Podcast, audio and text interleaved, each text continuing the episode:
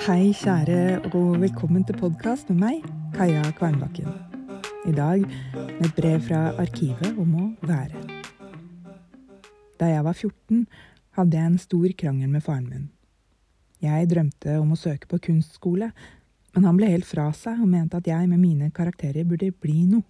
Revisor, for eksempel. Jeg husker jeg kom hjem til moren min helt oppløst i tårer.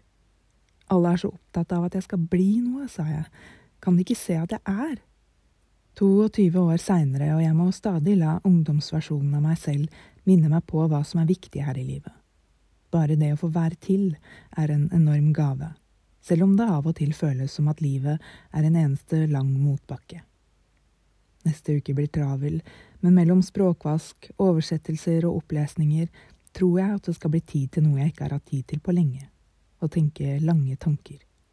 Ikke praktiske tanker, grubletanker eller bekymringstanker, men undringstanker. Språk, ord og overskuddstanker. De kommer ofte til meg når jeg vet at jeg ikke skal rekke noe, at jeg ikke kommer til å bli forstyrra, og at ingen forventer noe av meg i nærmeste framtid. De kommer når jeg har tid til å sitte i ro og lese, alltid med notatboka i nærheten og et vindu å stirre ut av, eller mennesker å observere som ikke kjenner meg, men som bare tilfeldigvis eksisterer i nærheten av meg der og da. Ofte kommer det av å lese essays, oftest da, men også all annen skjønnlitteratur kan sette det i gang. Og jeg elsker det. Det er kanskje da jeg føler at jeg er som mest.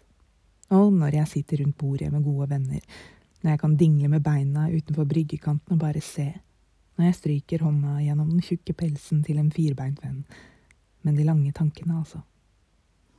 Når kjenner du at du er? I kjærlighet. Din Kaja. Forresten, setter du pris på denne podkasten? Gi den fem stjerner der du lytter til podkast, og del den med andre du tror vil sette pris på den. Det setter jeg pris på. Vi høres.